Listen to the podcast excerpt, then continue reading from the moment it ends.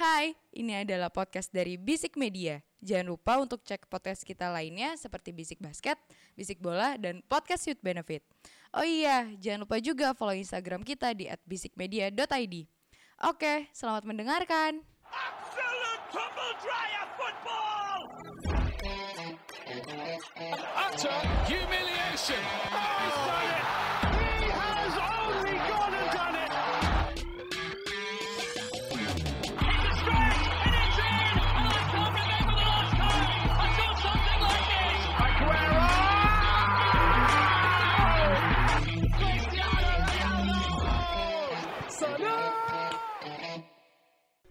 Bisik bola. Ya, kembali lagi nyaba bencang cing eh, di Bisik Bola, sebuah podcast sepak bola yang katanya bahas bola nih kita. Dari mana cuy? Capek badan gua anjing. Ampe mana cuy? Ibarat kata ibarat kata nih Bang ya. Ibarat kata nih putra daerah Bang ya. Iya. Sampai tiraspol Bang. Sampai tiraspol. Iya Bang. Dibahasnya bagaimana tuh Gus? Sampai jam satu pagi pokoknya. Si Aji eh, balik lagi sama gue Aji Badut. Iya. Kirain aji ngedrak. Eh, itu dia. itu akhirnya dipatenin tuh. Aji Badut Patenin patenin. aja. Season season season 4. Ntar Oh. season 5 ganti nama lagi gue. Magister Kopi itu udah nggak relate ya? Udah enggak, udah enggak. Udah. Sekarang vaksin udah turun Bang. Divaksin total udah banyak, pak- cuy. yes. Heeh. Jadi sekarang angka negatif di Jakarta, di DKI Jakarta itu berhasil karena vaksinnya Iya. berhasil Bang. Tapi katanya juga tadi gue baca di Detikom kayaknya herd immunity kayaknya bakal di akhir tahun katanya. Akhir tahun ya. Semua karena Jakarta kan Bang. Iya. Gubernurnya bagus. Uh, yang nyebur got itu kan. Podcast bola ya. Iya iya bener. bener. Siapa lagi nih? Siapa lagi? Eh, halo semuanya, gue Panji Pegel. Panji Pegel. Pokoknya gue ini temanya pegel ya. Respect ya. Respect ya dari Tasik ke sini pulang langsung Gokil. ngetek. Eh, Demi gokil para lah. bisik bolars. Totalitas. jamaah al bisik bola. Jamaal bisik bola. Hmm. Harus harus harus. Assalamualaikum. Waalaikumsalam. gue mau nyebut Romelo kemarin gak golin. Tuhan kalah. dua kali berturut-turut. Iya. Yo, balik lagi sama Ole Gunnar Gusti alias Imo di sini. Menang karena Villarreal kan? Yes. Murtad dia anjing. Yes. Murtadnya ke situ lagi. Anjing. eh, Selamat pagi, siang, sore, malam. Pelatih Sheriff. Aduh. Kebiasaan tiap gue lagi perkenalan dipotong. Tai. Ada Agus Anugrah di sini. oke. Eh, Nah jadi gini, ya kita langsung saja lah masuk pembahasan. Liga Champions setiap tahun punya Cinderella story-nya sendiri-sendiri. Yoi. Eh, ada waktu itu misalnya Liverpool menang eh, dari Milan. Itu Cinderella ya? Cinderella story, cuy, 2005. Oh, iya iya iya. Tottenham masih masuk sampai final. Ya. Ajax sampai semifinal. Ya. Atalanta dua tahun yang Atalanta, lalu. yes. Eh, Dan terakhir Chelsea juara. Paling ultimate Iya. Porto juara 2004. Ya, itu juga lawannya Monaco, tapi keren lah. Tapi keren itu Cinderella story dan Karena Porto juara kan ada pelatih bagus kan pindah ke tim. lanjut yuk, lanjut yuk, lanjut yuk. gagal di tim saya. Anda ini masalahnya. Tapi sebelum sebelum masuk ya, ini eh, apa Champions League di minggu ini tuh amat spektrumnya sangat luas kalau menurut gue. Kenapa tuh gimana? Maksudnya spektrumnya luas gimana, Gus? Menang dramatis ada, Oh iya. ya kan? Eh, banyak on target tapi kalah ada, itu juara bertahan tuh. ya Yang bonyok 5-0 ada. ada. Yang golin 5 di kandang lawan ada. Liverpool. Gua, gua, gua. Oh iya. Liverpool. Liverpool, ya. Yang merasa dirampok wasit ada. Milan, ya kan? Dan terakhir yang mengklaim juara 6 kali ya. Eh, Ronald Koeman tuh timnya 6 kali. ya? Oh iya benar. Dikalahkan oleh tim yang tidak pernah juara Champions League. Eh Benfica pernah. Ya. Tahun 50 tahun lalu yang dikutuk sama pelatih 100 tahun gak akan juara. Oh iya iya iya. iya. Bodoh ini emang Ini udah habis nih, ini masa masa idahnya udah habis. Oh udah. Kalau kata Panji, sindrom honeymoon udah lewat. Oke. Oke, kita langsung masuk pembahasan pertama. Anjing panjang banget intronya bangsat, bangsat.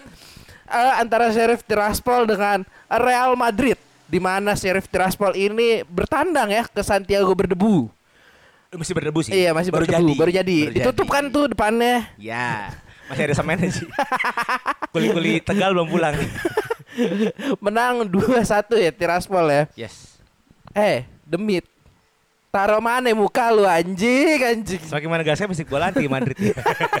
saya sih, saya sih. Ada yang mau masuk duluan kan di pembahasan ini? Ayo, ayo, ayo, jangan tunjuk-tunjukkan, ayo. Enggak soalnya ini unexpected guys. Jadi ya udah, ya udah gini gini Gus, Gus, Gus, Gus, Gus, Ya, Gus. oke, oke, Oh. Gua gua gua ngasih eh, ini dulu deh. Ngasih premis deh Gus. Madrid harus beli pemimpin di lini belakang Gus. Menurut lu setuju nggak? Enggak juga sih kalau menurut gue. Ini sih eh, apa ya Ma- murni. masa outclass sih nggak mungkin dong outclass. Nah kalau gue sih ngeliatnya secara secara pertandingan ya. Kalau Iya. menurut gue tuh emang udah kayak tim bertahan lawan tim yang menyerang ya pasti ada antitesis kayak gini sih. Cuman emang harus dipatut diapresiasi sama kipernya Tiraspol ini si siapa nih namanya Atanasiadis. Dia punya klub bola ya di Indonesia ya. Oh bukan Atta Pespati. dong. Beda. Aduh. Different. Emang klub bola kungfu. Tapi emang waktu itu lawan APS Pati bagus ya opening Eh, ya. ayo ayo Solo. Eropa Eropa Eropa Eropa Eropa Eropa. Yuk yuk yuk yuk. Iya secara makanya secara secara permainan sebenarnya ya udah total bertahan aja sih Tiraspol main di Madrid gitu dan Madrid juga udah mengusahakan yang terbaik gitu loh walaupun emang emang ya Emang banyak- pernah menjadi yang terbaik gitu ya. ya, susah lah susah susah. Apa yang lo harapin sama Ancelotti sih? Anjing. tapi ya gimana ya? Emang emang bertahannya pun juga si Tiraspol juga bagus terus juga anjing golnya gol yang kedua cakep sih itu. Filidis. iya siapa? Ya, itu Lidis ya Gue lebih suka gol yang pertamanya sih yang disundul cuy. masuk nominasi Goal of the Week-nya Champions League itu dia Itu yang gol kedua. Heeh, Karena yang golnya gol apa kedua. karena momennya? Kayaknya karena karena momennya tuh. Karena yang melakukan terhadap yang dilakukan Nah, sih iya, sebenarnya kalau menurut gue. Jadi ya kalau menurut gue sih tapi dia udah ngoleksi 6 poin ya. Sebelumnya Yes. udah lawan lawan Shakhtar udah Shakhtar menang. Udah menang. Satu kosong ya kalau nggak salah ya. Eh, gua satu. lupa 2-1 apa 2-0 apa gitu. Oh, iya. Ini Memang kalau tinggal lawan Inter nih. tinggal lawan Inter. Ini kalau lawan Inter menang ya, dia 9 poin. At least tinggal butuh satu poin lagi aja tuh seri aja, lolos. nyari Iya. seri. Udah paling pasti nggak lolos. paling nggak dia peringkat dua lah gitu ya. Iya. Penting dia lolos grup gitu. Eh. Anjing sih ini. Tapi ya Tergantung kayaknya sih udah sih, kelar sih abis abis di, di sistem gugur kelar dia. Pasti. Nah, kalau gue lihat ini Sheriff Tiraspol justru emang karena tadi mainnya defensif ya. Karena emang secara penguasaan bola jauh. Iya, jauh. Ya, bahkan shoot on target cuma tiga. Gue tidak bisa, gue nggak bisa munafik. Lini tengah sama lini depannya Madrid itu bagus sebenarnya. Tapi GD match kemarin itu gue akan bilang, eh mungkin ini udah standar taktik semua pelatih ya. Hah. Agak menurut gue agak meremehkan. Eh, Ya. ya. siapa yang tidak melawan tim seperti itu? Ya, maksud mungkin Madrid melihat Apalagi lu Real Madrid. Ya, tim yang pernah besar itu. Iya. Iya kan? Gitu aja. Aku kan emang anti demit kan. Karena kita dari back kirinya dipasang Guterres, main 20 tahun. Ya kan? Dan makanya ada beberapa gol yang muncul dari sisi kiri. Eh sorry, dari sisi kanan Saktar. Eh Saktar. Sorry mo, sorry mo. Eh, ini dia back kirinya Madrid biasanya siapa ya? Harusnya bisa Marcelo Marcelo. Atau Alaba bisa taruh kiri kan. Ah, Oke. Pilihannya banyak gitu. Tapi kalau kalau kalau logikanya gini ya, si Ancelotti ngasih menit bermain di eh, Champions League terlalu gila sih sebenarnya. kalau gue kan sudut pandang gue pelatih FM ya. Eh, Kalau main di FM, emang kalau untuk melawan tim yang eh, bisa gue bilang tidak diunggulkan bahkan Ah. sebagai badut grup, Ah. pasti gue akan ngasih menit bermain untuk main muda gue. Tapi seharusnya ketika cet- tercetak satu gol, karena kan yang cetak duluan Serif nih, dan butuh gol lama untuk Benzema nyetak gol pun lewat penalti kan. Ya. Ini Real Madrid atau Manchester United kan, kita nggak tahu ya. Cuman Oke, emang yang, yang, oke, yang, yang, oke. yang diapresiasi ya once again kiper Sheriff Tiraspol jarang loh kiper itu jadi man of the match kan. Iya. Terakhir Edward Mendy yang gue tahu man of the match ya kan. dan ini jadi peluang dan buat gue ya eh, ini akan jadi Cinderella story minimal di grup. ya. Tapi kita nggak tahu di knockout karena kan memang beberapa tim debutan-debutan Liga Champions suka mengejutkan kan. Iya. Ya kan walaupun nggak sekeren Atlanta atau yang lain-lain. Ya good luck buat Sheriff. Gue akan gabung ke Sheriff Indonesia sih. Ada ya? Udah dibuka guys. Lo yang bikin? Enggak. Aji katanya kan Aji kan Oh, iya. nggak ada klub nih. Hah? MU Eh, Inflow ya. Atalanta, Oh, Atalanta, Atalanta, ya. Atalanta, Ya, Atalanta Yuk, yuk, tetap yuk bisa yuk Panji yuk. Ya kalau dari gue mungkin gini ya. Sebenarnya kalau buat secara gaya permainan menurut gue Real Madrid sudah melakukan semuanya sudah benar sebenarnya. Mereka menguasai bola, chances created lebih banyak. Ini kalau menurut gue lebih ke hoki aja sih kemarin Sheriff. Hoki, ya. Lebih gini. Jadi terkadang memang tim kecil ya bisa ibarat kata dari mau bilang tim badutnya grup main tandang ke klub gede sebesar Real Madrid mereka they got nothing tulus gitu. Ya. Dia akan memainkan game plan mereka. Game plan mereka yang paling logis adalah Bertahan. bertahan. Defensif. Biasanya sama hit them on the break gitu kan dan itu berhasil jadi gue nggak akan menyalahkan Real Madrid karena menurut gue mereka sudah bermain sepatutnya Real Madrid bermain gitu cuma memang masalahnya yaitu membuang peluangnya banyak banget tiga puluhan tiga puluhan peluang nggak ada- masuk Ya, nggak masuk dari nggak ada- penalti. nggak dari open play gitu ada yang salah di depan gitu Benzema berarti Jul. Eh, gini kita bahas minggu lalu kalau misalnya di setiap lininya Real Madrid ada sosok seniornya. Iya, ada Nah. yang tua, ada yang muda. PR-nya dia adalah di saat pemain seniornya lagi nggak step up gitu kan. Pemain mudanya belum bisa Belum nge-cover bisa nih. cover sepertinya itu. Mas aja di situ seperti itu. Jadi eh, kalau kita misalnya ngomong Cinderella story Sheriff menurut gua nggak akan jauh sebenarnya. Ya. Eh, Tusun lah Tusun karena mereka juga minggu eh, match day satu menang lawan Dinamo Kiev ya kalau nggak salah. Shakhtar Donetsk. Shakhtar Donetsk itu juga timnya juga bukan tim yang luar biasa gitu, tim yang standar-standar aja menurut gua. Standar-standar tapi konsisten Jul di Champions dia pasti ada Jul Ada dia tapi tiap nggak lolos grup. Ya, Iya. Tapi dia selalu ada gak kayak Iya, MU kan ya memang, atau memang kayak tim atas- Anda kan atas- yang pernah absen. Gak di atas kertas memang Sheriff tidak akan absen. cuma Ya. tapi tim-tim seperti ini yang dibahaya. Mereka nggak punya sesuatu yang untuk dirugikan. Mereka nothing tulus mereka kalah banyak juga ya udah wajar gitu kan. Main dengan senang. main senang-senang aja. Karena Seperti bola Leicester 2016 ya. iya bisa. Karena pada akhir pada hakikatnya kan bola adalah teman Eh, eh, oh enjoy bos Subasa Ozora. Panji ini dari Skos jadi jadi wibu ya. Takumi Minamino oh, oh, oh. Oh. Aku beli main Jepang. Nakata kali ya. Ah, kosong tapi tapi tapi gue gue masih menurut gue gue masih apa ya gue masih state dengan eh, eh, apa eh, statement gue tadi Madrid butuh eh, backline yang lebih tangguh sepertinya Ya, karena karena gini Gus lu eh, apa gol pertama tuh yang sundulan anjing itu salah banget positioning pemain Madrid nggak enak cuy asli Salah kan pindah kemarin Januari Ji. ya ah, ah, ah, ah. Sebenarnya dengan lu ngelihat Alaba dipaksakan dalam tanda kutip main di back tengah sih sebenarnya emang ada ada lampu kuning sih harusnya di Iya. belakangnya Madrid gitu loh. Bang.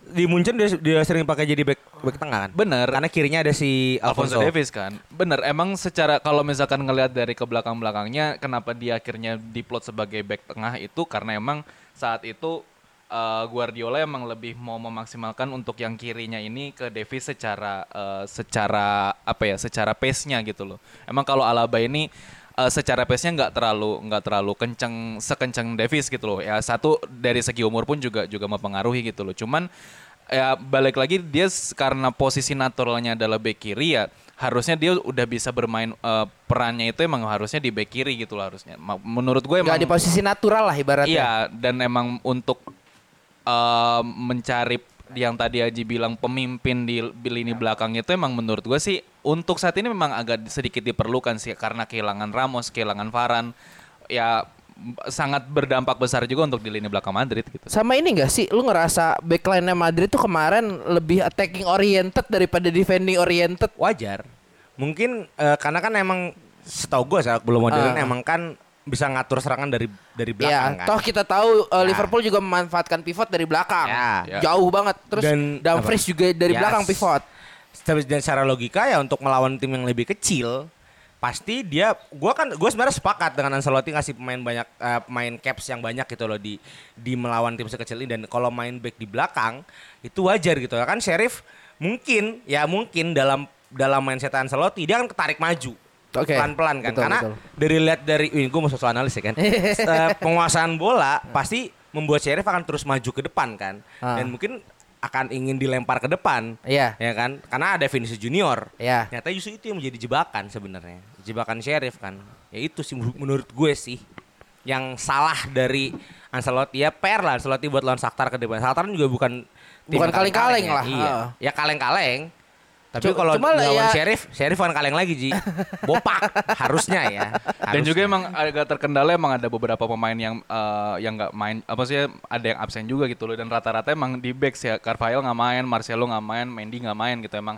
emang yang stok di eh, lini utamanya Madrid khususnya di lini belakang emang ya udah segini aja adanya Iya. gitu loh nggak bisa dipaksain lagi. Gue sebenarnya aja sebel sih, bek Bang. kanan. Sebelah si Rodrigo itu nggak dipasang malah Hazard. Enggak enggak ini bukan masalah dia bekas main Chelsea ya. Ya. Rodrigo ini akhir-akhir ini lagi bagus. Bahkan di match terakhir lawan Inter dia penentunya. Ya. Iya. Dia penentunya Inter gitu loh. Dan ini yang dibutuhin malah masang seorang gendut gitu loh di depan kan. Malah seorang Hazard. Ya, ini yang yang tapi yang gue senang adalah Kamavinga debut kemarin. Ya, debut di ya, Champions ya. dan Eh, di so kiri ya so ditaruh di kiri Yes. ya setahu gue. Tengah Eh, kiri. Tengah, Tengah kiri. kiri. Bukannya Oh. di teng di DMF atau CMF ya biasanya? ada Casemiro. Wah, Mungkin ngalah ini ya berarti dia. Karena masih pemain muda, masih ada potensi buat dimainkan Bisa jadi winger juga lah ya. buat lari. dan dimainkan seperti itu. Kayak Kamavinga punya potensi bagus sih. Tapi Kamavinga juga gue ngeliatnya kemarin apa ya? Gerasa gerusuk anjing mainnya.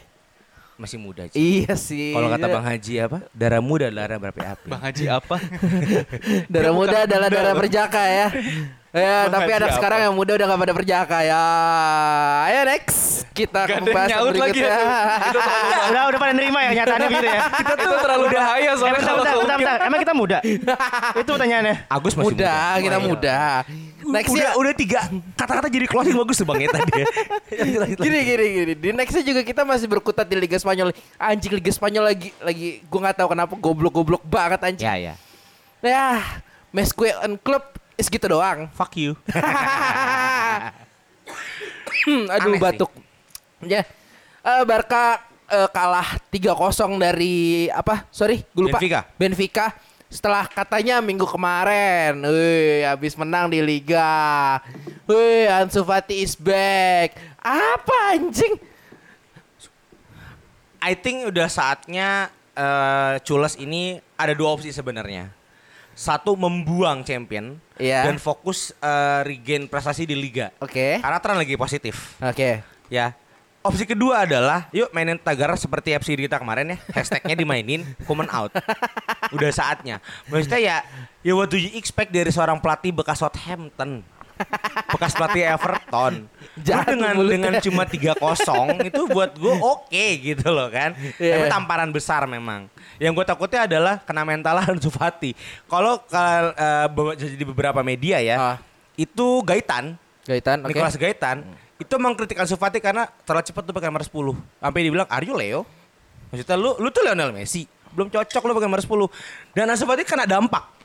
Kena mental dia kan Oh, itu. terlalu berat nomornya dan tanggung Ya. jawab dipikulnya. Pertanyaannya adalah apakah ini akan kembali menjadi sindrom number 7-nya MU di Barcelona ini ya? Setelah ditinggalkan main besar kan. Menurut gue bisa jadi mau karena eh, bertahun-tahun ke belakang kita tahu seorang Messi itu adalah pembedanya Barca dengan nomor 10-nya. Dan dia mengambil setelah Ronaldinho, pembeda pula. Iya, pembeda pula. Di mana kalau MU ya emang kita tahu itu juga jadi sebuah pembeda quote and quote. Pasti. Dan di Barca ini ya umur berapa sih Ansu Fati? 19. 19 dengan tanggung jawab sebesar itu menurut gue dia agak susah sih untuk apa ya nyampe eh, level orang yang cuma hadir let's say lah 500 tahun sekali. Ya. Bener gak sih Gus? Ya.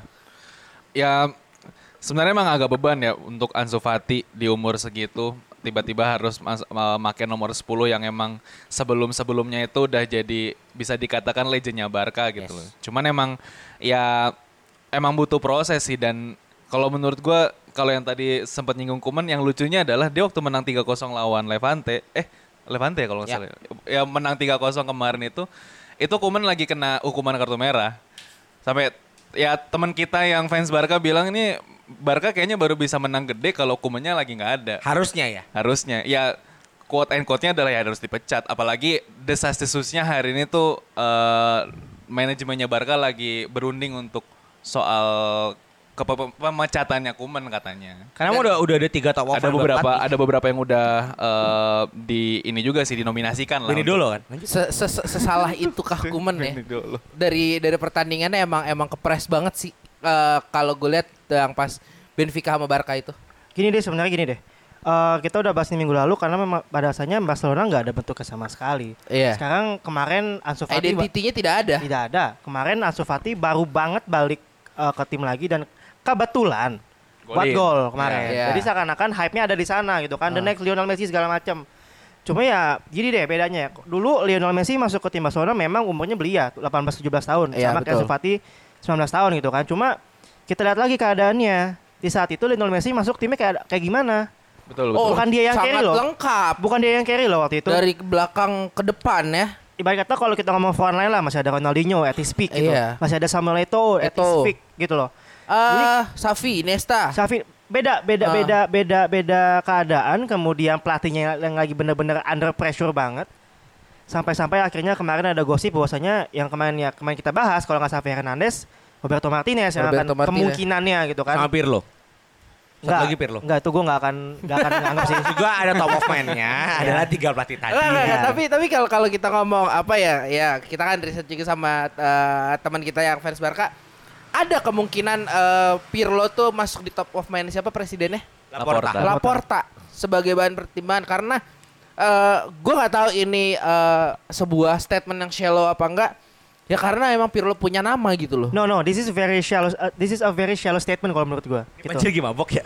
Pakai bahasa Inggris guys. Anjing. Kan gue gue lempar tadi pakai bahasa Oh, iya. Inggris. Yeah, that's good. Shallow banget karena gini. I'm okay. Opsi yang udah paling benar ada di depan mata, Xavi Hernandez. Punya sejarah bersama klub, dihormati di klub, dihormati sama fans base fan base-nya. Kalau Andrea Pirlo, orang Juventus, orang Italia, nggak ada sangkut pautnya sama Barcelona. Okay, I want to throw you a question, Panji. Do you believe with Xavi Hernandez? Lu nggak belajar dari Lampard? Ya gini men, gini men. gak belajar dari Ole. Nah, that's the question, bro. Enggak gini men, sekarang gini. Ultimum remediumnya sekarang ada di mana gitu? Ultimum remediumnya sekarang ada di mana? Udah pakai bahasa hukum, guys.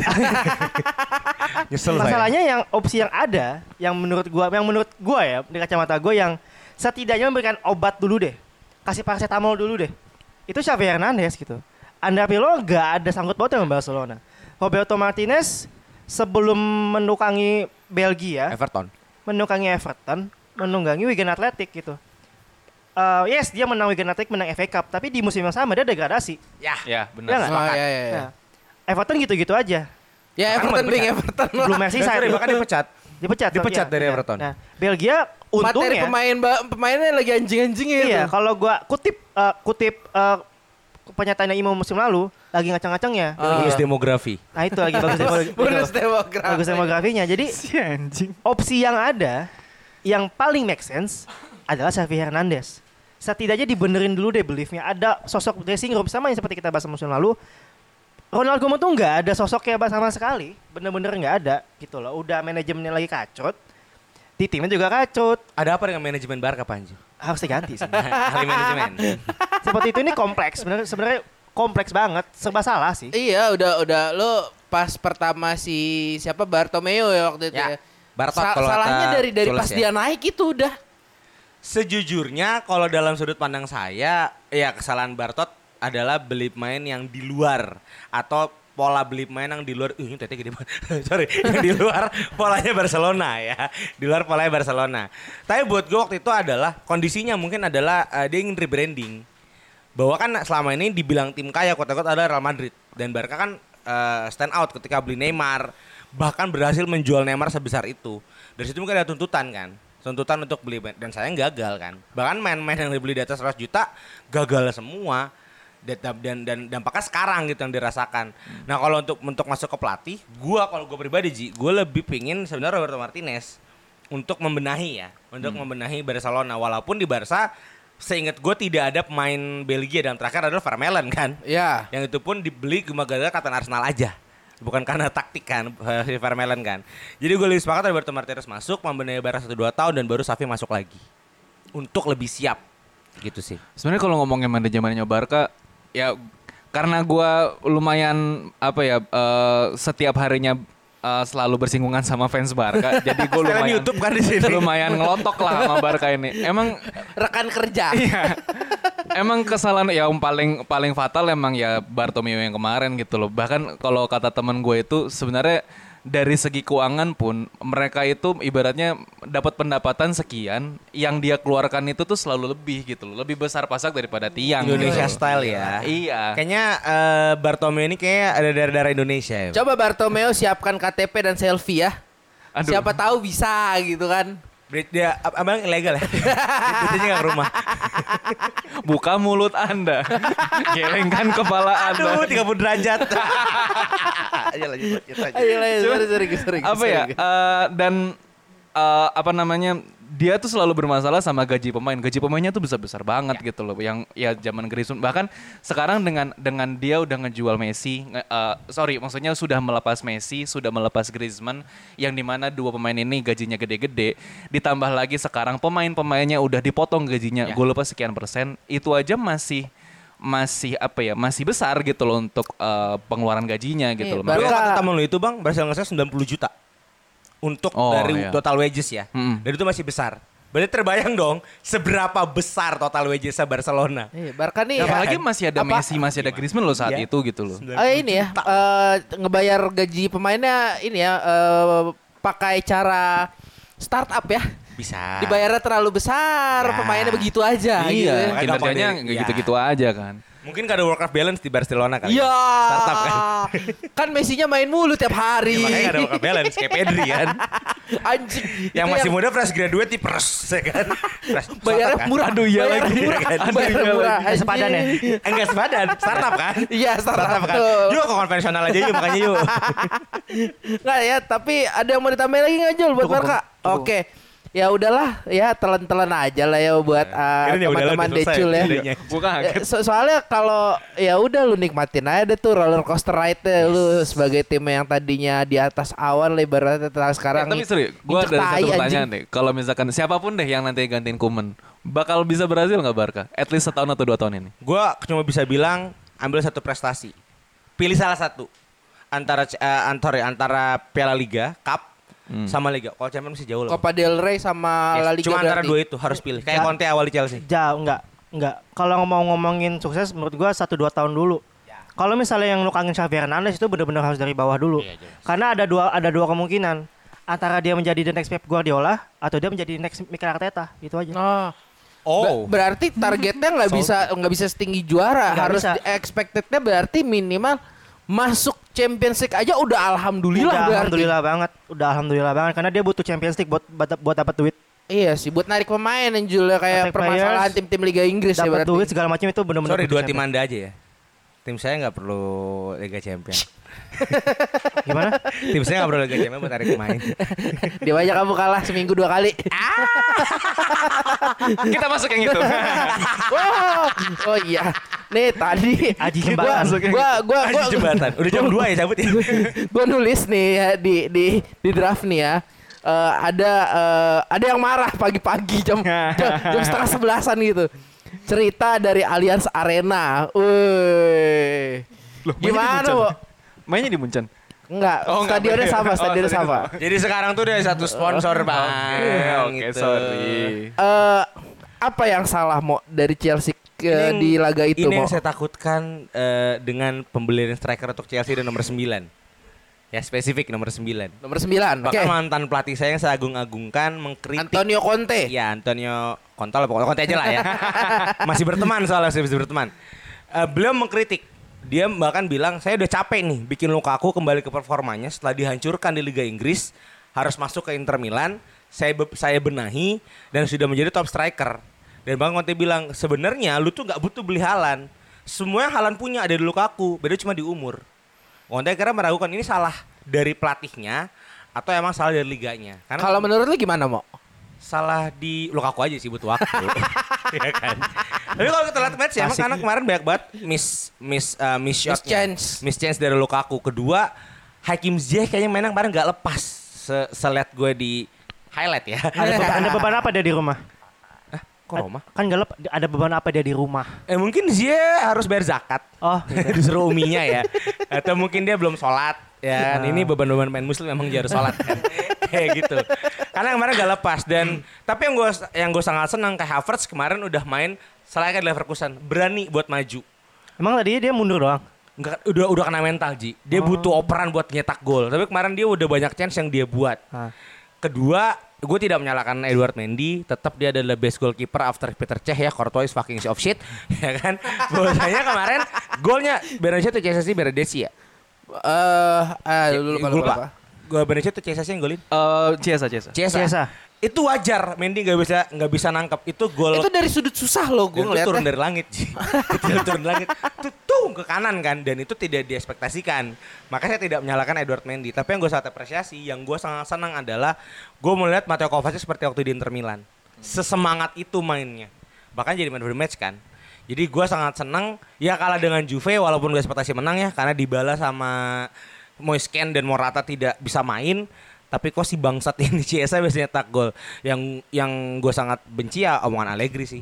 Mana nih juara bertahan champion? Kiper saya nganggur di match kemarin. Kan ngentot. Eh, orang mabuk, tim Anda aja belentang-belentong di liga. ya namanya juga Juventus. Ya kan namanya juga Juventus. Yuk yuk Panji yuk. Padahal ke- minggu lalu kita ngebahas kalau misalnya Juventus lagi belum ke top performa ya. Iya. Tapi kok menang lawan juara bertahan. Eh. salah saya waktu juara saya menang lawan juara bertahan, menang sama tim yang katanya diagung-agungkan menjadi calon juara Premier League gitu. Back to back. Back to back. Back to back champion. Kalau misalnya gue mau sombong dikit, nggak jadi ya. jadi gini, eh, sebenarnya gue sebenarnya kalau buat Chelsea ya sama kayak eh, Madrid sebenarnya. They did nothing wrong sebenarnya. Hanya ada salah di beberapa di lini tertentu aja. Salah nggak ada, salah di Liverpool. Iya benar, benar. Eh, Soalnya kan di Chelsea gagal waktu itu. Aji datang saya pojok sini. ya jadi memang eh, sebenarnya harusnya di atas kertas harusnya Chelsea yang menang sebenarnya. Tapi kembali eh, Chiesa menjadi salah satu yang- Penyelamat. penyelamat. Musim lalu kita juga udah bilang kan salah satu faktor di depan yang lagi bagus-bagusnya di Juve ya Chiesa gitu. Iya. sebenarnya. Nah, Satu satunya ya. ini gue mempertanyakan seorang Romelu Lukaku sebenarnya. Eh, di dibanderol dengan harga mahal, diagung-agungkan, sempat gacor di awal-awal di Di awal-awal di, dua Chelsea. dua tiga match pertama bagus kok. Kemudian melawan tiga tim yang bisa dibilang papan atas, dia mandek. Ada satu kesamaan Ji. Hmm. Lama Lukaku ternyata adalah back yang tinggi dan Apa? berbadan besar. Lama Lukaku tuh di situ ternyata. Back Sorry, gue ambil lawan Liverpool. Lu punya Van Dijk. Van Dijk. Ketika kemarin lawan uh, City, seingat gue ada, ada Jo- Laporte. Hmm. Yang itu menang Lukaku. Dan kemarin juga Bonucci. Eh, Celini. Delih. Oh, Justru yang jadi momoknya Delih. Delih. Dia nggak bisa lewatin tiga bangsat. Enggak itu. gini, sebenarnya gini deh. Itu Permasalahannya kelemahannya Romelu Lukaku di timnas sama di di klub ya. gue ngomong Chelsea ya di musim ini adalah dia akan batuk-batuk lawan tim yang punya gimana ya status besar, yang otomatis punya defense yang lebih bagus. Jadi seakan-akan memang dia striker bagus, dia lawan tim-tim cere buat gol gitu loh. Cuma di saat real dealnya, di saat dia me- melawan defender yang ya ini loh defender, Top star ya. Iya, ya dia mandek, nggak bisa ngomong apa-apa. Gitu loh. Itu pertanyaannya. Apakah seorang Romelu Lukaku bisa memecahkan itu? Menurut gue saat ini kayaknya belum, karena melihat kacamata tiga tim kemarin, Liverpool, uh, City dan um, Juventus, dia benar-benar nggak bisa ngomong apa-apa. Apakah salah lini tengahnya tidak bisa menyuplai bola ke depan? Kalau menurut gua, kan ini Tuchel lagi dalam project Antonio Conte Inter Milan. Kalau lu sadar di situ kan dipasangkan Ya. Eh, dua karakter striker yang sekarang lagi Conte coba, yaitu mengembalikan Timo Werner ke performanya. Karena beberapa match Timo itu selalu menjadi pengganti Lautaro Martinez. Ya. Kedua dari lini tengah ini bener copycat sih. Ketika di Inter singkat gue tuh ada Sensi, eh, Barella dan Brozovic. Brozovic, Itu ah. digantiin sama Kovacic, Jorginho sama Kante. Kante. Sebenarnya Yang menurut gue malah lebih baik materinya. harusnya Iya. ya pengganti Barella sebagai penyuplai ke depan itu ada di Jorginho. Jorginho. Ya kan, untuk peng- peng- penghancur di belakang ada di, Bro, di Brozovic, digantikan sama Kante sering maju ke depan. Iya. Dan menjaga kestabilan tengah. Ih gue keren banget sih hari ini. Iya. Sensi itu diganti sama Kovacic, ya kan? Ini bener-bener copycat Inter Milan. Eh, Tapi nyatanya kemarin nggak dimainkan Ah. pola itu, malah dimainkan pola Chelsea awal-awal ketika eh, Thomas Tuchel membawa champion ke Chelsea yaitu dua winger dan satu striker. Yang dipasang pun Hakim Ziyech yang udah lama nggak main. Nah ini sebenarnya pertanyaan sih buat gue sama sama Tuchel ya. Cuman ya ya mungkin dia melihat Werner juga masih masih masih, masih tolol ya jadi ya. Mungkin kemungkinan akan beli Tammy Abraham lagi sih balik. lu gimana Gus? Sebenarnya kalau dari dari segi pertandingan Juventus lawan Chelsea, Chelsea udah mendominasi sih dari segi attempts, dari segi passes create itu sebenarnya emang mendominasi. Cuman emang gue setuju sama yang Panji bilang gitu loh. Emang Lukaku ini kayaknya untuk menghadapi yang tim yang besar dengan punya back yang punya kapabilitas tinggi emang agak ngedrop gitu loh. Bahkan untuk role dia sebagai pemantul pun juga eh, nggak bisa berlaku nggak bisa melakukan apa-apa gitu loh. Apalagi ditambah untuk kedua eh, kompatriotnya eh, Ziyech sama Havertz itu tidak maksimal juga gitu loh. Dan ada sedikit pembeda ketika emang Kante nggak bisa main sih. Jadi ad- daya gedor dari tengahnya tuh nggak masuk kalau menurut gua. Dan Rhys James, Rhys James juga nggak nggak main itu juga eh, mempengaruhi gitu loh. Gue nambahin lagi emosinya ya. Jadi gini, kalau misalnya kita ngomong klub gitu kan, kita bisa kita bisa ngaca juga ke dua turnamen antar negara dua terakhir gitu di Euro sama di Piala Dunia. Belgia akan selalu jatuh di semifinal kalau nggak di perempat final, ya nggak?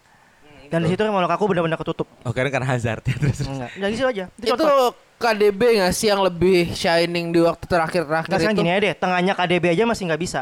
Iya. Gitu loh, gimana masih tengahnya Chelsea gitu yang Loh, loh, nih, Nggak, nggak. tengahnya Gua nggak Bill bilang kalau tengahnya Chelsea jelek gitu, enggak. Iya, Mereka iya, bagus. iya, Cuma iya, kan kalau iya. misalnya kita bandingin sama tengahnya Belgia kan lebih lebih mentereng gitu. Saya Iya, rasa iya, lebih iya. enak gitu. Wow. Di negara Kurang- kurang aja ya. kurang velainnya itu. Oh iya. Nggak, tapi masuk akal sih. Lu sekarang ngeliat Belgia peringkat satu FIFA emang mayoritas karena emang dia bisa ngalahin tim-tim kecil gitu loh. Ketika ngalahin tim yang gede, mereka sebenarnya nggak ter- nggak bisa berbuat apa-apa kalau menurut gua di eh, Piala Dunia 2018 mati sama Inggris dia juara tiga apa juara empat itu gue lupa tiga ya Tiga, tiga. Ma- mati terus kemarin di di Euro juga mati emang emang kayaknya dia bisa ke peringkat satu FIFA menurut gua karena emang ngalahin kalian tim kecil kalau menurut gua Berarti ntar Martinez kalau ke Barca, Barca lagi. Ya. Nggak bisa lawan tim gede dong. ya belum tahu juga sih dan masa regenerasinya Belgia kayak menurut gua juga udah habis Bener. Jauh. Berhenti ini dia nih. berhenti udah Berhenti, bener. Pemain mudanya nggak ada. Adarnya Nuzai ke mana? Wah, Ah, mana itu gagal mana ya itu ya? Real Sociedad habis itu gua nggak tahu deh ke mana. Kalau ngomongin Belgia mungkin akan sama kayak Itali pasca 2006. Sorry 2012 dong terakhir. 2012. Masuk Euro. Sejauh ini Balotelli ya terakhir ya, ya depannya. yang 4-1 sama Spanyol. kalau itu sih emang perkara dia salah lahir aja sih tahun 2012 Ya. Spanyol lagi gila-gilanya itu. Iya. Nah, maksud gue lahir, regennya, regennya sejauh ini Eh. 2012 dan baru shining 2021, 9 tahun. 9 tahun kan? Baru punya generasi yang cukup bagus. Jadi ini akan dia lebih Belgia sih. Cukup bagus gimana itu? Chelsea ini tiga kali main Euro pak. Paham, maksud gue tapi setidaknya melahirkan seorang Ciesa. Iya, iya, ya iya, kan? iya. Melahirkan seorang Donnarumma maksud Iya. gue itu loh. Karena Oh yang nggak dipakai di PSG itu ya? Yes, mampus ya kan. Value-nya turun di FIFA. Yes, skillnya turun. Ngomongin Donnarumma, kemarin dia baru main tuh. menang ya. Menang, masuk Dan lagi. ada yang debut. Bagus bridgingnya. Dan ada yang debut gol. Ada yang debut gol. Ada yang debut gol ya. Yes. Dioper lagi sama Mbappe. Seorang pemain yang sangat sangat sangat maruk. Yang ya kita kita udah ngebest dia lah minggu kemarin. Tapi ternyata dia mau ngoper bola ke Lionel Messi dan gol pertama ya itu apa kedua Gol sih? kedua. Pertama. Eh, Gol Eh, kedua. di pertama. Bukan Pertama bukan bukan, Inzaghi. bukan. di pertandingan itu si Messi Oh, kok gol kedua ya? Gol kedua, oke. Bahkan gol debutnya di PSG. Iya. Gol debut PSG. Nah. Wah, Wih. fuck man. Gue boleh masuk dikit ya? Seseorang yang rela tiduran jadi pagar betis. Oh iya bener kan ini. Jadi meme aja. Gak akan dari situ di Barcelona gak gitu, gak akan. Silakan, yang nyuruh Jul. yang nyuruh Marquinhos lagi kayaknya. Anjing gak ada harganya. Lu orang, junior. Bra- orang Brazil yang nyuruh. Oh iya. Kayak gini. Kalau kita mau ngomongin eh, proses golnya ya, karena kalau menurut kita ngomongin gaya permainan udahlah PSG harusnya menang itu udah pasti. Tapi yang mau gue meng-highlight adalah bukan dari Eh, PSG City ya. Iya. Ya. Bukan- gue ngasih tahu pendengar aja. Ah, bukan dari Messi-nya, bukan dari Mbappe-nya, tapi dari dari Hakimi. Oh iya sih. Kalau lo merhatiin ya. Ih, Hakimi kemarin bagus banget mainnya Ah, sumpah. gokil, men. Itu Grealish dikantongin habis itu Parah. sumpah. Jadi gini, Ya, bisa apa sih Grealish lanjut? proses golnya kan Messi kan bawa bola ya. Si Mbappe eh, lari ke dalam, Hakimi lari ke samping. Oh, ke samping, oke. Itu kalau ruang berarti ya. Gue jujur pas lihat golnya, gue fokus gue gak ke Messi. Gue lihat off apa Pergerakan tanpa bolanya pergerakan tanpa bola dua pemain ini, terutama Hakimi. Dia bener-bener narik. Mbappe yes dia naruh di sana buat dipassing dari pantulan gitu kan. Tapi Hakimi yang pengen gue eh, highlight adalah gini. Di saat jadi kemarin itu waktu defense ada tiga back di belakangnya City, gue lupa siapa namanya. Tapi yang paling kanan itu dia kalau mau nutup Messi itu bisa. Oke. Tapi dia nggak akan nutup karena dia ketarik sama Hakimi. Hakimi. Larinya ngacut coy, asli.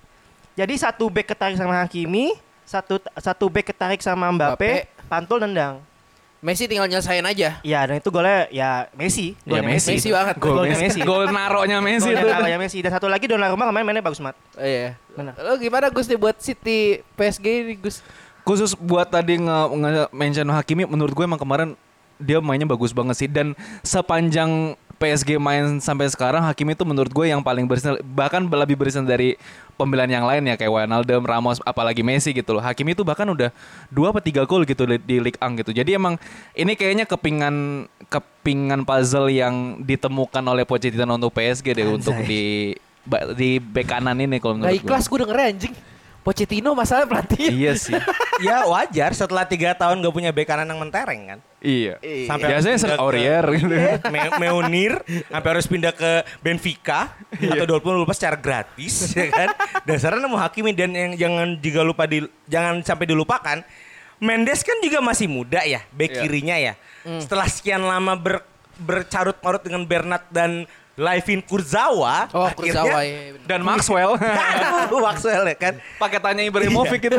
dan dan ya udah akhirnya punya mood gue ya mungkin Pochettino mal belajar dari 2019 ketika kalah sama Liverpool. Yes. Liverpool kan punya dua winger yang eksplosif kan. Iya, Ih, bahasa hari ini ESPN sekali sih. Pivotnya bagus Liverpool Iya kan? anjing dari belakangnya itu. Dan Gue ini- harus mengakui Yes. itu anjing. Dan ini yang bener-bener di gitu loh.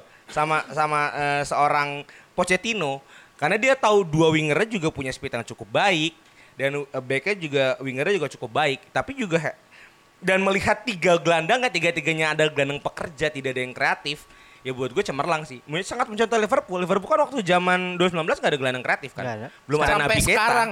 Sekarang juga nggak ada. Nabi lah masih bisa Starting dibilang. levelnya nggak ada. Oh Alcantara? Ya pasing-pasing Ya aja bisa dia. sosok lah. Cuma itu kan. Ini yang gue lihat Pochettino memanfaatkan itu sih dan hand, heads off udah di rumah ya. Man, man of the match kemarin 8,8 ratingnya Footmob. Dan ini juga ngebuktiin sama pembahasan kita minggu lalu, City tuh sebenarnya udah nggak ada apa-apanya. Masih Iya. ada apa-apanya bang saya kalah. ya, Gini, gini, gini, berarti gini, Chelsea gini. nggak ada apa-apanya. gini gini gini sebentar sebentar sebentar. Mari kita bergeser ke City. Ini gak sih uh, uh, apa akhirnya permasalahannya City ini kelihatan ketika sebuah tim tidak punya striker murni yang mumpuni. Iya. Lu udah punya lini tengah paling kece Ya itu. anjing. Ya itu masalahnya. So, tapi untuk masalah striker yang tidak mumpuni, bukan menyombongkan, tapi saya juara champion tanpa striker yang mumpuni itu loh. Iya. Saya bisa. Masalahnya adalah mungkin ya, mungkin ekspektasi terlalu tinggi sama Jack Grealish. Menurut gue. Grealish sentris berarti kemarin kita ngomong ya. Mungkin ya. Karena beberapa ini kan nama sorotan Grealish karena memecahkan pemain termahal Inggris kan. Ya. Dan diangkat dari butiran debu Aston Villa kan ke City West gue itu loh. Dan ya ini masalah dan ya udah Ederson waktumu sudah habis saatnya Alisson sekarang ya. Tapi kalau Bang Alisson dari dulu kali Oh, bos. Ya ada senap siapa? Tapi kalau misalnya let's say ya kita eh, berandai-andai aja. Eh, eh, Haaland mendaratnya di City tahun depan akankah Soft. eh bagaimana? Ada Serem. komentar misalnya Haaland Ya, mendarat serem. di City minggu depan? Eh tahun depan? Tahun depan atau Januari? Tahun, depan, Januari sih gue kayaknya nggak nggak ada. Januari nggak mungkin. Nggak akan City nggak akan terlalu bodoh untuk membeli di Januari ketika lu bisa dapat gratis tanpa harus bayar ke 70 klub ya. Tetap 70 juta. Eh 70 juta ya? 70 juta harganya. Oke. Seenggaknya 70 juta men. Sangat murah. Dibandingkan harga tahun ini 180. Seor seseorang yang mencetak eh, sorry 46 gol dari 48 laga kalau nggak salah. Dan Dan, dan dan di highlight terus di YouTube Bundesliga 70 juta. It's a fucking bargain, man. sangat sangat sangat bargain lah. Erling Haaland loh bro, bo- robot. Dan punya sejarah juga bapaknya di City kan. Iya. Ya, Alfi kan di City. lu gimana Gus kalau Halan tiba-tiba di City tahun depan? Nggak, menurut gua terlalu cepet sih. Pemain muda dan terlalu banyak exposure kalau menurut gua jatuhnya kayak Pogba waktu awal-awal di MU lah. Oh. Pasti akan butuh waktu juga kalau untuk pemain yang Ah, sampai apalagi sekarang di- gitu-gitu aja dia. Nggak tapi Eh, bagus, sekarang bagus, masih bagus loh. masih bagus loh. Dia ngasih masih ngasih peran gitu loh. Jadi oh, oke. 8 asis gak sih bro? Pogba? Ya, Iya, Iya. udah udah udah 8 asis dan kayaknya juga apalagi dengan dihargai walaupun mungkin dari harga 100 sekian ke 70 emang turunnya jauh gitu. Cuman masih still mahal gitu loh untuk sebagai pemain di umur segitu gitu dan menurut gua pasti akan butuh waktu apalagi main di Premier League sangat jauh berbeda dengan Bundesliga kalau Ya agak trauma ya ngelihat pemain bagus di Jerman striker pindah ke Premier League langsung hancur tuh ada kejadian kan. Ya Anda kan Iya maksudnya itu maksud saya itu. pelakunya klub Anda kan. Ya. Yang Mending katanya. Messi-nya Jerman kan Marco Marin mati sama Anda. Ah, betul.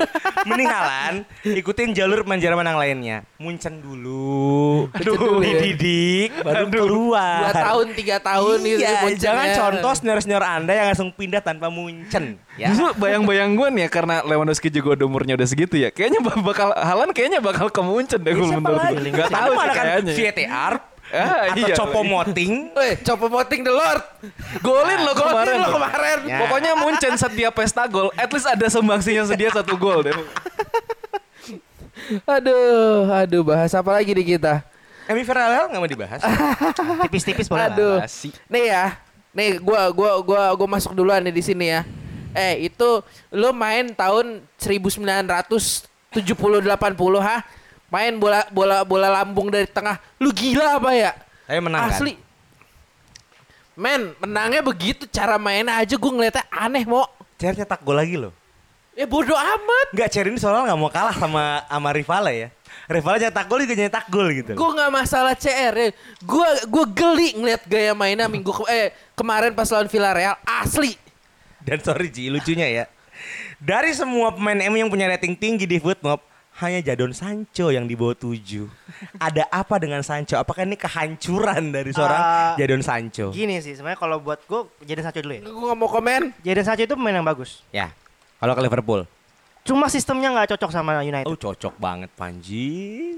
Eh, Apa apa? Nggak cocoknya gimana nih? Gue pengen tahu. 8 pertandingan terakhir di Dortmund ya, leading up to his move to United, dia ini correct me if I'm wrong ya, dia 3 gol 5 assist kalau nggak salah. Kan leading up kan bagus banget kan. Tapi gaya bermainnya nggak cocok. Kenapa? Satu.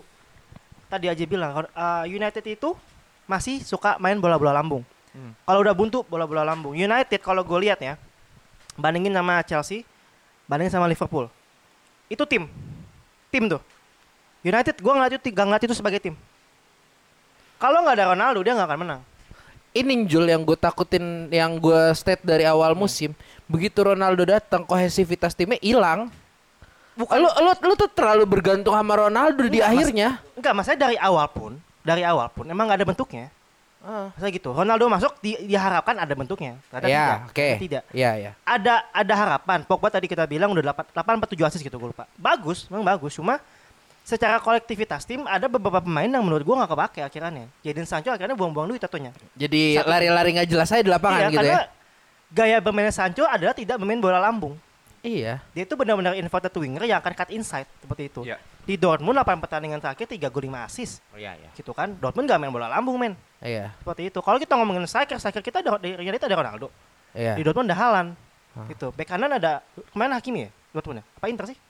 Ah, Hakimi tahun lalu Ah. Inter. Inter tahun lalu. Kemarin berarti Dort back kanan Dortmund siapa ya? Ya itu Munir. Munir ya. Bekas Nah, PSG. ada AWB gitu.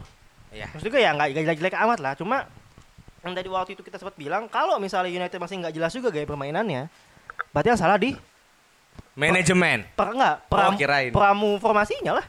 Oleh Dan lah. pramu formasinya kan Ronaldo sekarang. Oh iya, Ya. Pram. gitu. Itu yang dibutuhkan MU ya. Beli CR pemain plus coach. Iya, ada sama kayak Portugal 2018. Jadi kalau misalnya ada yang 16. bilang Sancho, 16, sorry. Sancho itu flop, menurut gue dia nggak flop. Sama gaya permainannya nggak cocok sama sistem yang dipakai sama United. Itu aja sebenarnya. Dia main bagus kok. Jadi Bagus pilihannya antara United yang beradaptasi dengan Sancho atau Sancho yang beradaptasi dengan. United. Enggak, bukan itu opsinya dua. Untuk Sancho saat keluar. ini ya. Untuk saat ini gaya bermainnya harusnya disamain kayak Sancho. Enggak, untuk saat ini ya ngikutin Ronaldo mau nggak mau. Gimana Gus? Kondisi sekarang seperti itu nggak bisa. Gimana Gus? Kuncinya pecat oleh. pecat oleh. Enggak, gue gue setuju sama Manji. Menurut gue emang eh, Oleh ini tuh bukan sebagai pelatih yang punya kapasitas untuk eh, ngeramu pem- eh, ngeramu formasi atau ngeramu pemain itu sebagai tim gitu loh. Oke. Ya dia bermain mengandalkan eh, apa individu dari pemain-pemain itu sendiri gitu loh. Oke. Ya mereka ada Ronaldo, di back ada Varane, da- ada ada Sancho, ada Fernandes apalagi. Ya mereka bermain ya udah sesuai dengan individu masing-masing, tidak sebagai eh, tim gitu. Kolektif eh, Berbeda dengan misalkan tadi yang disebut bahkan Chelsea, bahkan Liverpool. Gue pengen gue ngasih contoh yang yang ini deh yang sangat kelihatan buat Munchen gitu loh. Iya. Munchen dengan dengan pemain-pemain yang uh, bisa dikatakan ada yang berpengalaman, ada yang baru baru tapi bagus gitu loh. Tapi mereka bermain udah sebagai setim.